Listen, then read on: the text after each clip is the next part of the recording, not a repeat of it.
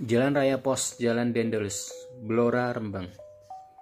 Jalan Raya Pos Jalan Dendeles membentang 1000 km sepanjang utara Pulau Jawa dari Anyar sampai Panarukan. Sejak dapat dipergunakan pada 1809 ter telah menjadi infrastruktur penting dan untuk selamanya.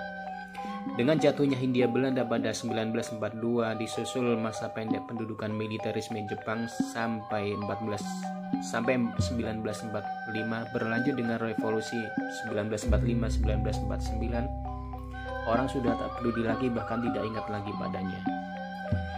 Untuk pertama kali ku dengar namanya tentu saja dari guruku di sekolah dasar Institut Budi Utomo disingkat Ibu. Di bawah pimpinan ayahku sendiri sekolah ini sudah banting setir jadi sekolah nasional pada tahun 30-an. Apa pula sekolah nasional itu, pendeknya secara tidak langsung karena tidak mungkin secara langsung diajar membenci penjajahan barat, Eropa, Belanda.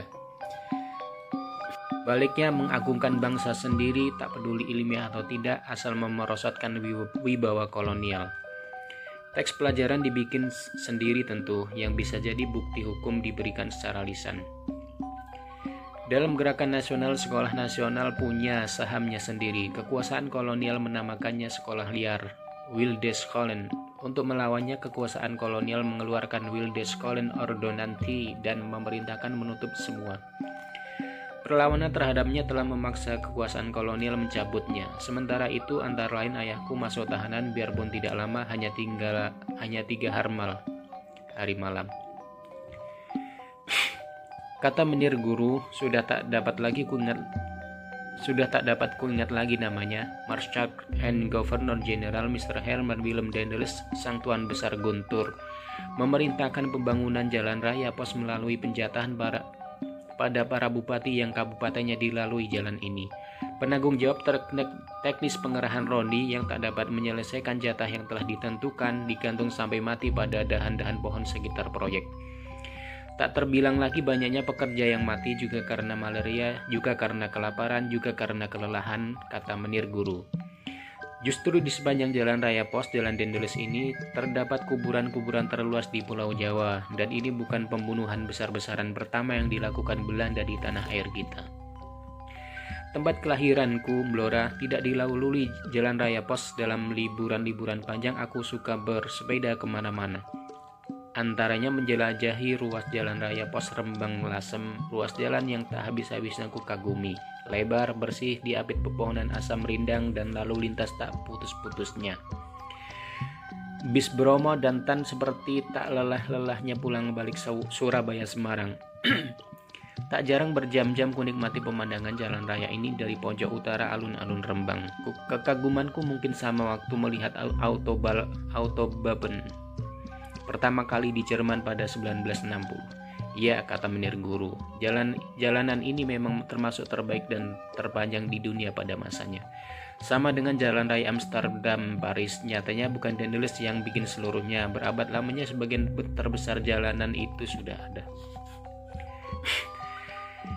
Dendels hanya memerintahkan melebarkan sampai 7 meter semua batu untuk pinggiran dan pengerasan rakyat kecil para petani yang harus setor tan dan tanpa imbalan. Atau dengan imbalan hanya saja orang-orang atasan tertentu yang menerimanya. Atasan tertentu berarti para pembesar putih atau coklat atau juga putih dan coklat bersama-sama. Bukan rahasia lagi zaman company adalah zaman maraknya korupsi. Residen atau asisten residen sehabis bahkan sebelum habis masa dinasnya bukan suatu keluar biasaan kalau kalau telah menjadi tuan tanah, lebih kaya dan lebih berkuasa di dari lebih kaya dan lebih berkuasa di kerajaan pribadinya daripada sebagai pejabat kolonial. Juga bukan rahasia bahwa di balik semua kekayaan yang berlebihan bertahta kejahatan, kebengisan, kekejaman terhadap orang kecil yang tidak berdaya. Anehnya sejak kecil tak pernah jalan raya pos alias jalan dendels jadi pokok percakapan dalam keluarga. Di antara teman-teman bahkan juga tidak sewaktu kami mengem mengembarai wilayah sekitar ruas Rembang Lasem. Lebih aneh lagi kalau diingat ibuku semasa gadis tinggal bersama ayah dan ibu tirinya di tinggal bersama ayah dan ibu tirinya tepat di sudut barat daya alun-alun Rembang. Ayahku tinggal di pavilion dan dua lantai di sebelah kanan rumah kakek. Bibiku, adik adik ibuku yang tinggal serumah dengan kakek mengajar di sekolah gadis Kartini School dan dalam kompleks kabupaten di sebelah timur alun-alun. Dan alun-alun Rembang sendiri berbatasan dengan ruas jalan raya pos Rembang Lasem. Mereka tak pernah membicarakannya. Seingatku Kartini yang tinggal di Kabupaten Rembang setelah jadi Raden Ayu Bupati Rembang juga tak pernah menyinggung jalan raya pos ini dalam tulisan-tulisannya. Cukup aneh. Rembang dan Lasem Rembang dan Rembang dan Lasem adalah dua kota tua yang sudah disebut-sebut semasa Majapahit terletak pada tel, pada Teluk Rembang yang panjang dan yang panjang pantainya meliputi sekitar 200 km. Cekungan ini di barat dipagari pantai timur Semenanjung Jepara yang berakhir pada Tanjung Api-Api Anon. Anom. di sebelah timur dipagari pantai Semenanjung Lasem yang berakhir pada Tanjung Bendo. Di sebelah, di lepas pantai kota Rembang bertebaran pulau kecil mengecil. Salah sebuah yang pernah kukunjungi bersama teman-teman sekolah dan menir guru adalah Pulau Marongan. Sebuah pulau karang berpasir putih kekuningan berbau amis pantainya disebari bangkai ubur-ubur dengan perut penuh ikan-ikan kecil. Suatu pelayaran pertama yang tidak menyenangkan, perahu yang kami tumpangi tak dapat balik ke kota Rembang. Angin dan ombak menyeretnya ke pantai lain. Jalan raya pos Lembang Rembang Lasem membentang menyusuri pantai. Muara kali Karang Geneng di bagian barat kota Rembang menjadi tempat bersandar perahu-perahu kayu antar pulau. Bagian depan dan belakangnya dipahat ragam bunga dan dedaunan berwarna-warni. Teluk ini sejak dahulu menjadi tempat galangan kapal armada Pati Unus yang menyerang, yang menyerang Portugis di Malaka pada 1 Januari 1513 nampaknya juga dibuat di sini. Serangan itu memang dipatahkan Portugis. Kapal komandonya ia pamerkan di pantai Rembang sebagai bukti pernah bertempur melawan bangsa terberani di dunia. Rupa-rupanya di Teluk Rembang ini juga dibangun armada-armada Ratu Kalinyamat untuk membantu para pejuang yang melawan Portugis. Mula-mula membantu Johor pada 1550 dalam penyerangannya di Malaka, kemudian membantu Aceh pada 1573 dan 1574. Diperkirakan juga di Teluk Rembang armada Tenggono dibikin. Rat Ratusan perahu da, ya, ratusan perahu dengan membawa ribuan prajurit yang dikirimkan untuk mengislamkan Pasuruan Jawa Timur yang berakhir dengan kekalahan meriam-meriamnya tak berdaya menghadapi penduduknya yang mengukuhi siwaisme. Beberapa kali liburan di Rembang tak pernah kulihat sisa bangkai kapal komando kebanggaan Pati Unus. Sisa bangkainya pun tidak, yang ada barang 200 meter dari jalan raya pos di alun-alun Rembang adalah jangkar besi yang cukup besar berdiri miring dipagari dengan kayu. Orang percaya itulah jangkar salah satu dari 26 kapal armada Laksamana besar Cheng Hu yang berawak seribu orang setiap kapal. Satu abad sebelum Belanda menjejakkan kakinya di bumi Jawa, jangkar itu sendiri sampai kulihat terakhir pada penghujung tahun 30-an. Sampai waktu itu aku percaya itu memang jangkar kapal armada Cheng Hu. Namanya dikenal di sepanjang pesisir Pulau Jawa sebagai Dampo Awang. Tak pernah ada cerita lain yang menyangkal sebagai monumen arkeologi sebagai monumen ekologi ia menunjukkan bahwa tempat jangkar itu dahulu 7 sampai 7 setengah kilometer di lepas pantai yang cukup dalam.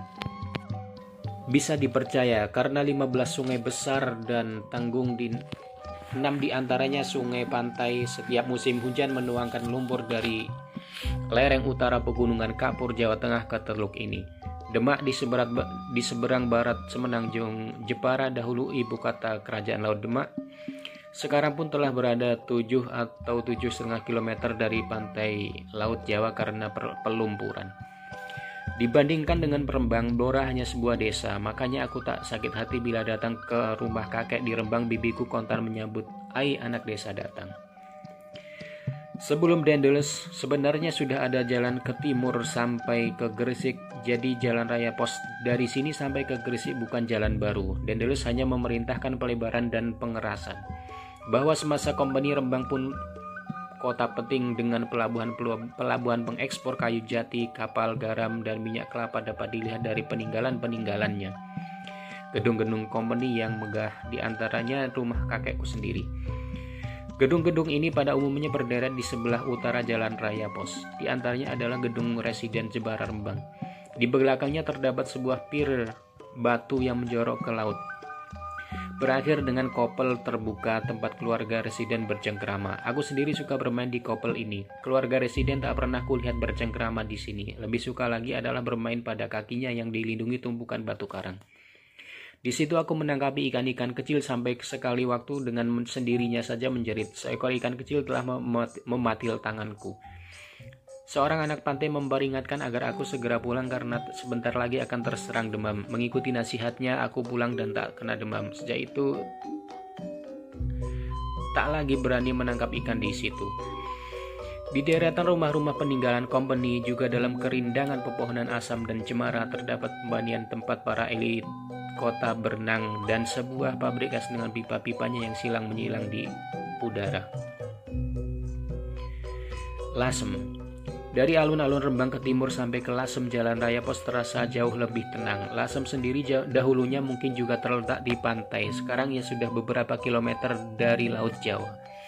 Sedang di pantainya sendiri, sedang di pantainya masih tersisa galangan kapal kayu. Di tempat ini, tempat ini dinamai Dus, Dasun. Lasem sendiri dahulu tempat kedudukan Bre Lasem, seorang pangeran Majapahit. Pada tahun 30-an kota kecil memberi kesan seakan kota Cina dengan tembok-tembok tinggi memisahkan rumah-rumah di baliknya dari penglihatan orang. Di antara rumah-rumah yang tak tampak dari luar tersebut adalah bengkel-bengkel besar penghasil batik pesisiran dengan warna-warni berbeda dari, berbeda dari batik Jawa pedalaman yang berwarna coklat dan biru nila saja. Batik ini umumnya hanya digunakan oleh wanita Tiongkok, Totok, dan keturunan. Dalam bengkel-bengkel yang tak nampak dari jalanan ini biasanya berlaku peraturan kerja yang ketat. Para pekerjanya wanita pribumi pada tahun 30-an itu juga pernah terbongkar bahwa dalam bengkel itu juga disediakan sel-sel penahan pribadi untuk menghukum pekerja yang tak memuaskan yang tak memuaskan majikan. Sekali waktu juga terbongkar ada pembunuhan terhadap seorang pekerja wanita. Selain dikenal, selain terkenal sebagai sentra batik pesisir dalam sejarah company, Lasem juga tercatat sebagai pengimpor senjata api gelap dari Singapura. Ini terbongkar sewaktu berkecamuk Perang Jawa pertama 1825-1830 atau Perang Diponegoro. Orang-orang Tionghoa penyelundup tersebut memasuk senjata apinya pada seorang pelarian wanita bangsawan keraton di Rembang dan selanjutnya melalui pedalaman menyerahkannya kepada pasukan di Bonogoro. Pada akhirnya para penyelundup tersebut oleh company digantung di depan umum. Hampir satu abad sebelumnya pada 1740 Lasem juga pernah jadi pusat perlawanan terhadap company dalam rangka perang Cina. Waktu itu company dihalau dari seluruh pantai Laut Jawa oleh pemberontak Cina. Pemberontakan ini dipadamkan oleh pasukan-pasukan Madura atas perintah company. Di pantai Lasem ini pasukan-pasukan Dainipon mendarat dengan bantuan buku peta tropis Nederland. Mereka kemudian menusuk ke pedalaman. Dalam kekuasaan Jepang galangan kapal kayu Dasun diteruskan produksinya. Di sini pula Gerakan bawah tanah anti fasis terhalau dari Surabaya dan Kediri membuka basis perlawanannya setelah berhasil meledakkan tangki-tangki minyak di Cepu dan kembali terhalau. Di sini pula gerakan bawah tanah anti fasis Jepang berhasil membuat tenggelam tiga buah kapal kayu produksi Dasun. Sampai seberapa jauh kebenaran keberhasilan gerakan anti Jepang ini aku tak tahu karena informasinya hanya ada dari satu orang. Cukup banyak peninggalan sejarah pada ruas jalan raya Pos Rembang Lasem. Keheranan karena tak ada orang tak bercerita tentangnya dan keheranan itu sendiri sedikit demi sedikit terpadamkan oleh bacaan yang ada di perpustakaan ayahku.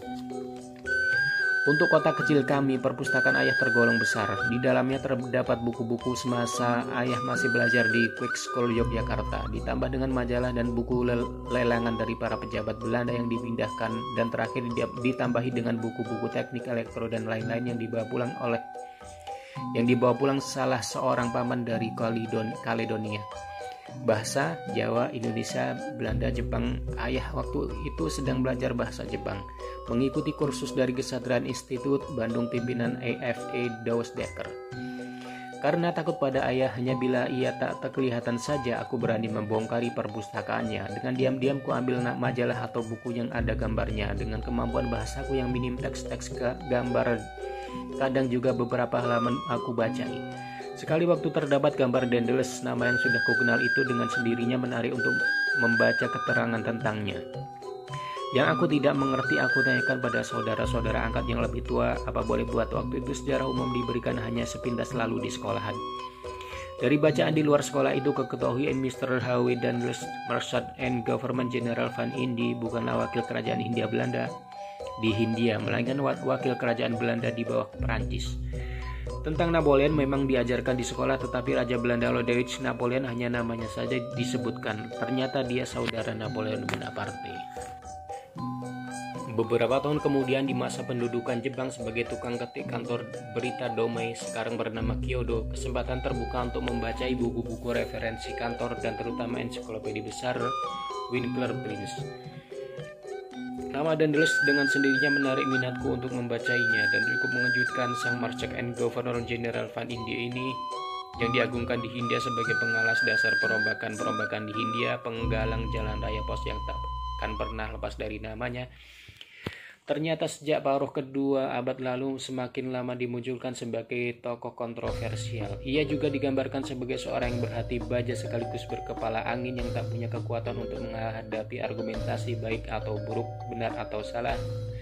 Dan langsung mengancam dengan bentakan akan menembak mati lawan berargumentasi. Ia seorang pengagum Napoleon dan ia bayangkan dirinya sebagai Napoleon kecil. Lingkungan dan bawahannya harus laksanakan perintahnya dengan gambaran ini dalam otaknya sebagai Napoleon kecil dengan karir militernya. Beberapa kali ia melakukan kop terhadap negaranya sendiri. Beberapa kali gagal malah ia terpaksa melarikan diri.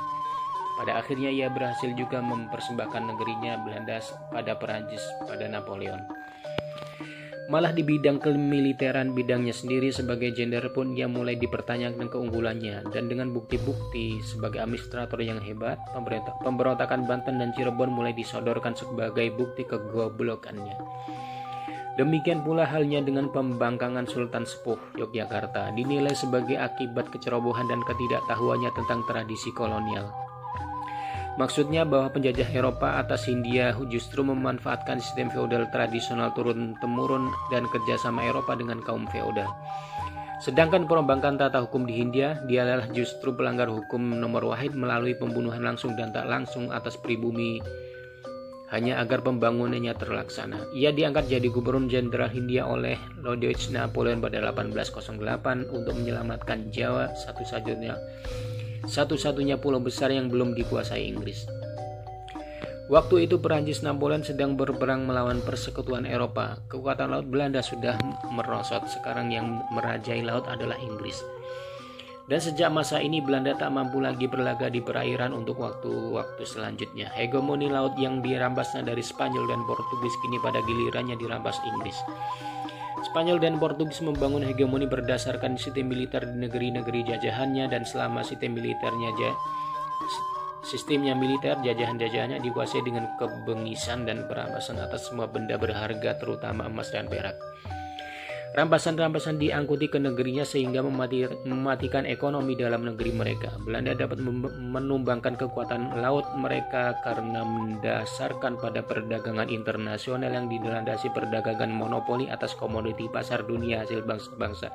Jajahannya kerjasama dengan golongan feodal negeri jajahan. Inggris menggusur hegemoni laut Belanda dengan kekuatan yang diperolehnya dari penertiban administrasi negeri-negeri jajahannya dan kerjasama dengan golongan menengah mereka sehingga dapat mengembangkan produksi dalam negerinya menjadi komoditi ekspor ke negeri-negeri jajahannya. Dalam pada itu kekuatan Perancis dalam perang melawan persekutuan Eropa dihancurkan di perairan Mesir. Juga sisa kekuatan laut Spanyol sekutu Perancis dihancurkan di perairan sini oleh persekutuan Eropa. Untuk mempertahankan Jawa yang belum diserbu Inggris, Belanda mengirimkan sisa kapal-kapal perangnya ke Jawa dengan kekuatan maksimal dan itu pun dengan persenjataan separuhnya saja. Sangat tidak berarti untuk menangkis serangan Inggris. Maka nyali kekuasaan kolonial di Jawa sudah mengkerut begitu begitu kecilnya akibat kehilangan kapal dan kekalahan-kekalahannya di Maluku, di Maluku melawan Inggris. Sebuah kapal perang fregat Inggris sampai bisa memasuki Teluk Batavia dan merampas fregat Belanda yang bersenjata lengkap disaksikan kapal-kapal bersenjata Belanda lainnya. Pada 1806 dan 1807 satu Eskader Inggris telah melakukan penghancuran terhadap kekuatan laut Belanda di Batavia dan Gresik. Dalam November 1806, Skoci-Skoci Inggris dilepas dari kapal-kapal Perangnya mengejar kapal-kapal Belanda yang sedang melarikan diri ke pantai dan membakarnya bersama dengan sejumlah kapal dagang. Dan itu terjadi dalam jarak tembak meriam-meriam Belanda. Demoralisasi pada kekuasaan Belanda di Jawa juga mencerminkan hancurnya kekuatan lautnya. Itu sebabnya Lodewijk Napoleon mengangkat Mr. Herman Willem Dendels ini jadi gubernur jenderal Hindia Belanda merangkap panglima tertinggi angkatan darat dan laut. Wilayah, wilayah lautnya ditetapkan mulai dari Tanjung Harapan ke timur. Belum lagi korupsi yang menggerogoti dari dalam penyakit menahan bersongkok men Penyakit menahun persekongkolan antara pejabat kulit putih dengan para pembesar pribumi dalam dalam memeras rakyat kecil. Untuk melakukan tugas sebanyak itu, Dendelslah yang dianggap orang yang paling tepat. Sikapnya tidak kenal kompromi juga dianggap cocok untuk melakukan perombakan-perombakan sesuai dengan mutiara-mutiara yang dihasilkan oleh revolusi Perancis. Banyak yang diharapkan dari dirinya oleh Lodewijk Napoleon. Ia diharapkan bisa memulai babak baru dalam pemerintahan di Hindia, putus arang dari pemerintahan-pemerintahan sebelumnya. Ia diharapkan dapat memerangi penyalahgunaan kekuasaan membenahi perdagangan dan pertanian. Walaupun semboyan revolusi Perancis, liberté, egalite, dan fraternité disebut-sebut, namun nasib rakyat pribumi biasa sama sekali tidak tersinggung. Dan terutama sekali ia diharapkan bukan saja dapat mempertahankan koloni juga memberi pukulan pada musuh. Ia, ia mendapat kuasa tanpa batas sekalipun hanya melalui lisan. Setelah mendapat pengangkatan, ia segera berangkat ke Jawa. Ia tidak berangkat dengan kapal dari Belanda seperti se semasa aman. Untuk menghindari kapal-kapal Inggris yang merajai lautan, ia menempuh jalan darat melalui Paris, Lisboa, dan Cadiz di Spanyol Selatan. Dari sini ia menyeberang ke pulau ke Kepulauan Kanari, sebuah kepulauan di Samudra, Samudra Atlantik di barat Afrika Utara. Selanjutnya naik kapal Amerika ke New York. Mengapa harus menempuh jarak sejauh itu? Karena dalam perang besar Perancis melawan persekutuan Eropa, Amerika bersikap netral. Mengapa ke New York? Karena tak didapatkan kapal Amerika yang berlayar ke Jawa. Baru dari New York ia dapat menumpang kapal Amerika ke tujuan Jawa dan itu pun tidak menggunakan namanya sendiri tapi nama istrinya Van Vleerden. Apa pun tugas yang dikatakan diembannya, yang terpenting adalah pertahanan militer terhadap serangan Inggris dan inti pertahanan adalah menyelamatkan Batavia sebagai ibu kerajaan dunia Belanda di Asia maka juga tempat-tempat yang diperkirakan akan bisa didarati Inggris diperkuat dengan benteng. Ketidakberdayaan di laut memaksa ia menggariskan sistem pertahanan darat. Diperintahkannya pembangunan benteng di Teluk Panaitan, Mewenbai di ujung kulon. Tenaga kerja diperintahkan pada Sultan Banten untuk memasok dan para pekerja paksa ini juga pejabat-pejabat kulit putih berkaparan mati sebagai tikus baik karena pelakukan maupun karena penyakit dan terutama karena kelelahan dan kelaparan. Sultan menolak memasok rakyatnya lebih banyak. Ia turun, ia diturunkan Sultan Banten dari tahta dan membunuh patinya serta merampas sebagai wilayah kesultanan. Sultan baru yang diangkatnya juga tak mampu memenuhi, memenuhi pasokan tenaga kerja dan juga dipecat. Penduduk berontak dan ia di, dan, dan ia padamkan dengan bengis dan benteng tak akan pernah selesai untuk selama-lamanya. Ia tak jera mendirikan benteng di mana-mana dibututi dengan terbunuhnya rakyat kecil pribumi yang melakukan kerja paksa. Tetapi kita sedang bicara tentang jalan raya pos, jalan raya Inggris. Pada mulanya ia di, ia perintahkan perbaikan dan pele, pelebaran jalan air Anyer Batavia. Pertama kali mendarat jalan ini dilaluinya jadi sudah ada. Ia tempuh jarak itu dalam empat hari. Setelah diperkeras dan dilebarkan dalam dapat ditempuh dalam sehari. Pekerjaan ini nisbiah mudah saja karena medannya datar. Hambatan hambatan hulut hutan belantara sepanjang lebih kurang 40 km dapat diatasi tanpa kesulitan berarti. Demikian juga dengan ruas jalan Batavia Buitenzer. Lain halnya waktu mengerjakan Buitenzer Karang Sembung yang terdiri dari ruas Cisarua Cianjur, Cianjur Raja Mandala, Raja Mandala Bandung, Bandung Parakan Muncang, Parakan Muncang Sumedang, Sumedang Karang Sembung, dalam membuat jalan yang sulit menembus gunung-gunung tinggi ini dikerahkan 1100 tenaga kerja paksa. Waktu pembikinan jalan menembus Mega Mendung, 500 tenaga kerja pri, kerja paksa pribumi diberitakan tewas. Jumlah tersebut besar kemungkinan telah ditekan.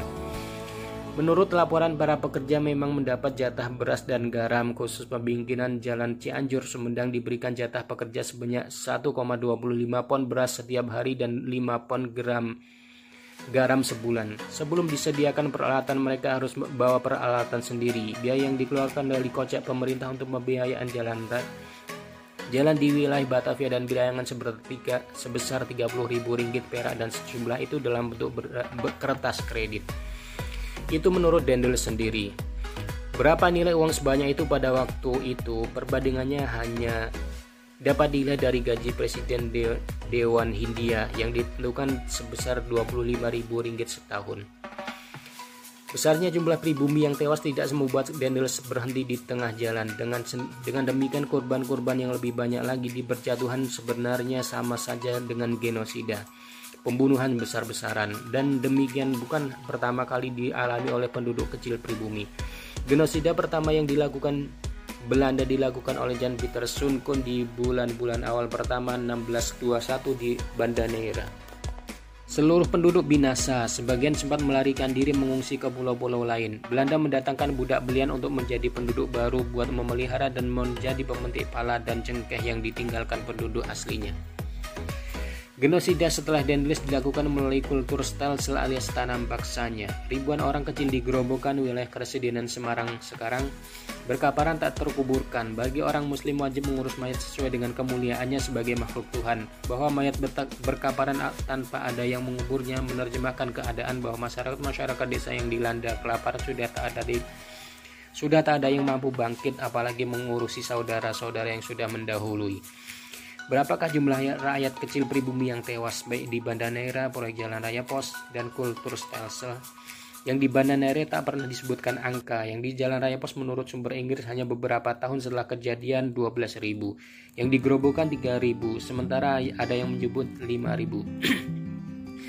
tak pernah ada komisi resmi yang menyelidiki nyawa rakyat kecil pribumi nampaknya hanya baik jadi sumber kebesaran barat. Genosida yang hampir hampir tak pernah diungkit adalah yang dilakukan Jepang di Kalimantan Barat. Sama sekali tak ada angka disebutkan. Juga sama sekali tak pernah ada niat untuk membentuk komisi penyelidikan sampai sekarang. Genosida terakhir yang dilakukan Belanda terjadi pada 1947 di Sulawesi Selatan oleh pasukan Kapten Westerling. Berapa yang jadi korban mana? mana Sobian menyebut angka 40 ribu. Memang dari pihak Belanda kemudian ada usaha untuk melakukan penyelidikan yang membuahkan angka 5 ribu. Tak jelas angka mana yang benar. Genosida terakhir sampai sekarang adalah salah satu yang terbesar dalam sejarah umat manusia dalam abad ini justru dilakukan oleh bangsa Indonesia sendiri hanya agar Indonesia bisa menjadi pasar modal besar dunia. Dan sekali ini ada kemauan sungguh-sungguh untuk menyelidiki jumlah korban, tidak lain dari Presiden Soekarno yang memerintahkan adanya sebuah fact-finding commission. Terdiri dari pejabat tinggi dan beberapa menteri di daerah-daerah yang didatangi mereka hanya menjabatkan angka-angka kibulan dan tuntutan pembubaran PKI. Mereka kembali membawa angka-angka kibulan dan Soekarno tidak percaya sedangkan genosida bersalan berjalan terus dan semakin hebat.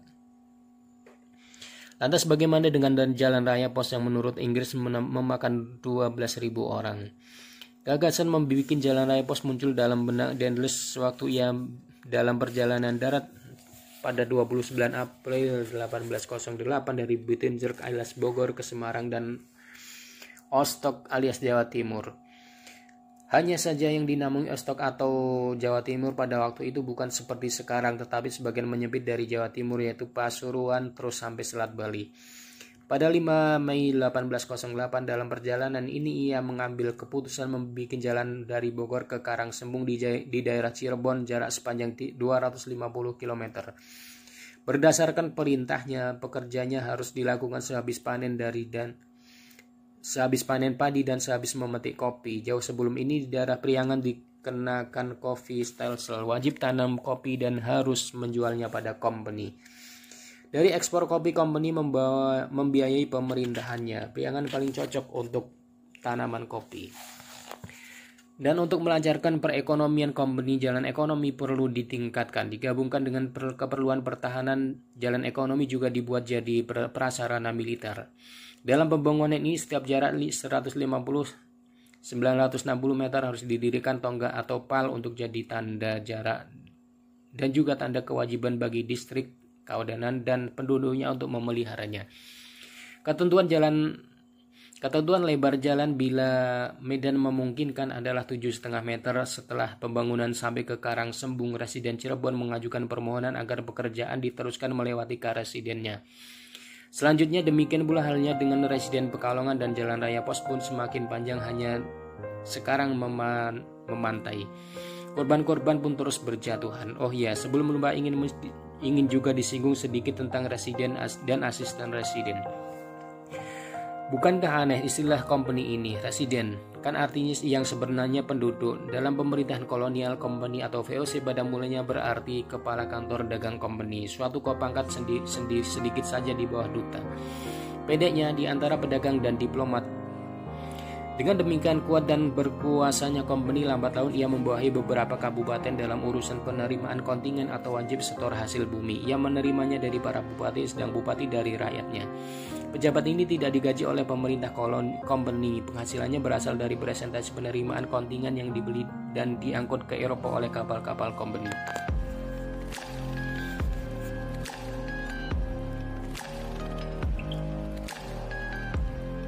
Untuk menaikkan penghasilan, seorang residen cukup menekan menekan bupati untuk menaikkan setoran. Untuk memenuhi keinginan itu, pada gilirannya menuntut lebih banyak dari rakyatnya.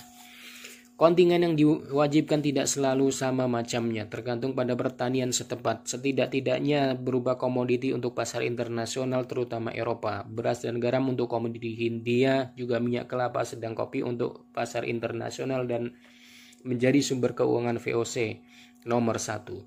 Dengan rusaknya angkatan laut dan armada dagang Belanda, penjualan kopi ke Eropa sudah tidak mungkin. VOC menjualnya pada kapal-kapal dagang Amerika yang netral dalam perang besar Prancis melawan persekutuan Eropa. Dalam pemerintahan Dendels, para residen dan asisten residen dicabut haknya mengurusi kontingen. Mereka sekarang mulai digaji. Kontingen diharuskan distorkan ke gudang-gudang pemerintah company. Pengawasan pemerintah diharapkan dapat memberantas persekongkolan antara para residen dan asisten residen dengan para bupati dalam memeras rakyat kecil. Juga para bupati dikurangi kekuasaannya. Mereka juga, mereka tadinya juga tidak mendapat gaji, sekarang mendapat. Berarti dari penguasa daerah setempat mereka sekarang menjadi birokrat, menjadi pegawai company. Dengan semakin panjangnya jalan raya, Pos Denles memperluas tanam paksa kopi di daerah-daerah yang cocok untuk tanaman itu. Tanam paksa ini kemudian dihidupkan kembali semasa Orba, hanya yang ditanam paksakan adalah tebu. Barangkali juga sama seperti masa Orba, semasa Kompeni juga harga diturunkan untuk dimalu atau dimanipulasi semasa panen. Boleh jadi karena selama rakyat kecil pribumi tidak berdaya, maka jadi sumber datangnya kekayaan bagi pihak yang sebelum berhasil membuat mereka tidak berjaya. Memang menarik memperhatikan bagaimana company mampu meninggalkan warisan sistem dalam alam kemerdekaan. Kopi adalah penghasil terbesar company Belanda, bukan saja untuk untuk membiayai pemerintahannya di Hindia, juga untuk memperkaya negeri dan bangsa Belanda. Pada abad 19 ia telah mendesak kedudukan rempah-rempah Maluku, Banten, dan Aceh. Apalagi semasa pemerintahan Dendels Malaka jatuh sepenuhnya ke tangan Inggris dan dengan sendirinya rempah-rempah pula.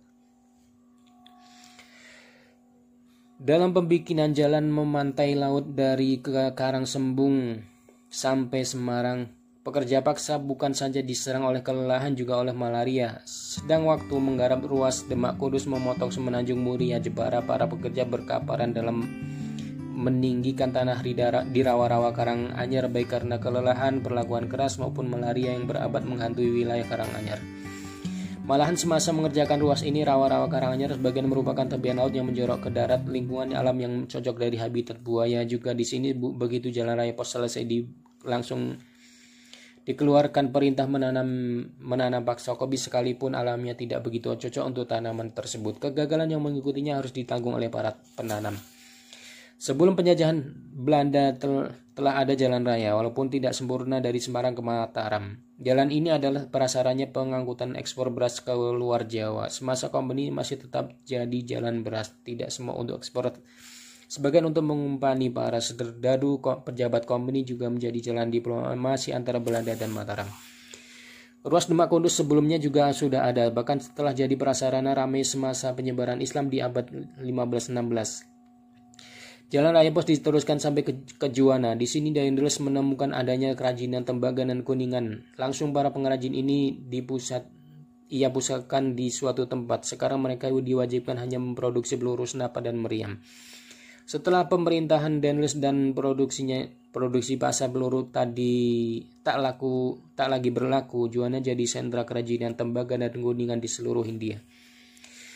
Jalan Raya Pos diteruskan sampai Rembang pada waktu itu jalan pantai sampai ke Rembang sudah berabad ada dan sejak, sejak ada penjajahan kompeni Belanda telah menjadi jalan inspeksi pemberantasan penyelundupan terutama candu. Rembang juga menjadi tempat galangan kapal dan ekspor kayu, baik karena galangan-galangan di Teluk Rembang maupun ekspor kayu jati membuat hutan-hutan jati menjadi rusak. Walau menjelang, walau menjelang akhir abad 19, kerusakan-kerusakan tersebut dibenahi dan dihutankan kembali, namun tanah-tanah kritis masih belum teratasi sampai sekarang abad 20. Sampai menjelang abad 20. Botak-botak daerah hutan ini sampai sekarang masih dapat dilihat di sebelah kiri ruas jalan Rembang Blora. Adapun wilayah Rembang Rembang Blora merupakan wilayah hutan jati yang yang jadi bagian di, dari wilayah hutan jati Jawa Tengah dan Jawa Timur seluas 650.000 hektar. Jimurat Novel berdasarkan kisah nyata seorang pejuang muslim Chechnya karya Leo Tolstoy. PT Serambi Ilmu Semesta, penerjemah Fahmi Mani, penyunting Anton Kurnia. Cetakan pertama 2 Juli 2013. Pengantar Aku sedang berjalan pulang melintasi ladang. Saat itu tepat di tengah musim panas. Padang rumput telah dipotong dan para petani baru saja akan menuai gandum. Terdapat beraneka bunga yang cantik pada saat itu. Semanggi berdaun halus dan wangi berwarna merah, putih, merah muda, bunga margrit yang cerah dengan kelopak putih susu, dia cinta padaku, dia tidak cinta padaku dengan bagian tengah kuning terang dan bau busuk yang pedas. Rapa liar kuning dengan wangi madunya, Aster jangkung berbentuk seperti tulip, berwarna ungu dan putih. Tanaman merambat, bunga aster yang rapi, kuning, merah, merah muda, dan ungu. Bunga pisangan dengan warna merah muda pudar dan wangi harumnya yang nyaris tidak tercium. Azalia yang biru cerah dibasuh sinar surya ketika baru mekar dan biru pucat kemerahan pada malam hari ketika sudah tua, serta kelopak putri malu lembut beraroma kenari yang langsung layu. Aku mengumpulkan aneka bunga dalam buket yang cukup besar dan sedang berjalan pulang ketika melihat di dalam selokan mekar dengan indahnya widuri merah tua cantik yang dikenal sebagai jenis tartar dan dipotong dengan cermat. Ketika tak sengaja terpangkas, bunga itu dipisahkan dari tumpukan jerami oleh pemotong rumput sehingga tidak akan melukai tangan mereka. Aku berniat meraih widuri ini dan meletakkannya di tengah buket. Aku turun ke selokan dan setelah mengusir seekor lebah berbulu yang mendarat di tengah bukit, lalu dengan manis dan malasnya jatuh tertidur di dalamnya. Aku mulai menata duri tersebut. Ternyata sangat sulit. Tidak hanya batangnya dipenuhi duri yang bahkan menembus sapu tangan yang membungkus tanganku, tetapi widuri itu sangat keras sehingga aku berkutat dengannya selama lima menit, mengelupas seratnya satu persatu. Ketika akhirnya sudah tersingkap seluruh kelopaknya, batangnya tampak kasar, dan bunga itu tidak lagi terlihat segar dan cantik. Lagi pula dengan bentuknya yang kasar dan mencolok, widuri itu tidak cocok dengan berbagai bunga indah di dalam buket. Aku menyesal sudah bersusah payah merusaknya dan menghancurkan sebuah bunga yang tampak cantik di tempatnya. Tetapi kekuatan dan semangat hidupnya sungguh luar biasa, pikirku. Teringat usaha yang harus kukerahkan untuk mengoyak bunga itu. Betapa gigih dia mempertahankan diri dan sedemikian sayang dia pada kehidupannya. Jalan pulang ke rumah melintasi ladang tanah hitam yang tandus dan baru saja dibajak. Aku berjalan mendaki lereng landai dengan menyusuri jalan jalanan tanah hitam yang berdebu. Ladang yang baru dibajak itu milik seorang tuan tanah. Ukurannya begitu besar sehingga tidak terlihat apa pun kecuali tanah hitam yang dibarut rapi, tapi belum digemburkan di kedua sisi jalanan dan jalanan menuju puncak bukit di depannya. Pembajakan itu dilakukan dengan baik, tidak terdapat sebatang tanaman atau rumput pun yang terlihat di ladang itu, semuanya hitam kelam. Manusia sungguh kejam dan merusak berapa banyak makhluk hidup dan tanaman yang dibantainya untuk menopang kehidupannya sendiri, pikirku. Mencari-cari sesuatu yang masih hidup di tengah ladang hitam nan tandus ini, di depanku, di sebelah kanan jalan, mataku menangkap semak kecil. Ketika mendekat, aku menyadari semak itu, semak ini tanaman tartar dengan bunga sama yang telah kucabuti lalu kubuang sebelumnya. Semak tartar itu terdiri dari tiga batang, salah satu telah patah dan sisa batangnya menyeruak seperti tangan buntung. Di, ketu, di, di kedua batang lainnya tampak sekuntum bunga. Bunga ini dahulunya dahulu berwarna merah tetapi sekarang tampak hitam. Salah satu tangkai patah dan setengahnya menggantung terkulai dengan bunga kotor di ujungnya.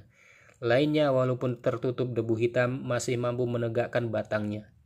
Sudah jelas semak itu telah digilas oleh roda dan setelahnya ditegakkan sehingga sekarang berdiri miring. Tetapi tetap berdiri.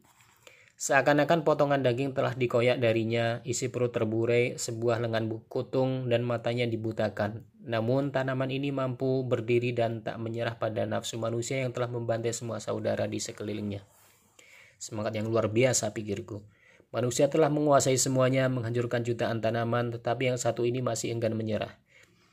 Dan oleh karenanya aku teringat cerita lama dari Kaukasus. Sebagian dari cerita itu kusaksikan sendiri, sebagian ku dengar dari sejumlah saksi, dan sebagai, sebagian ku bayangkan sendiri. Cerita itu saat berwujud di dalam kenangan dan imajinasiku berlangsung seperti ini.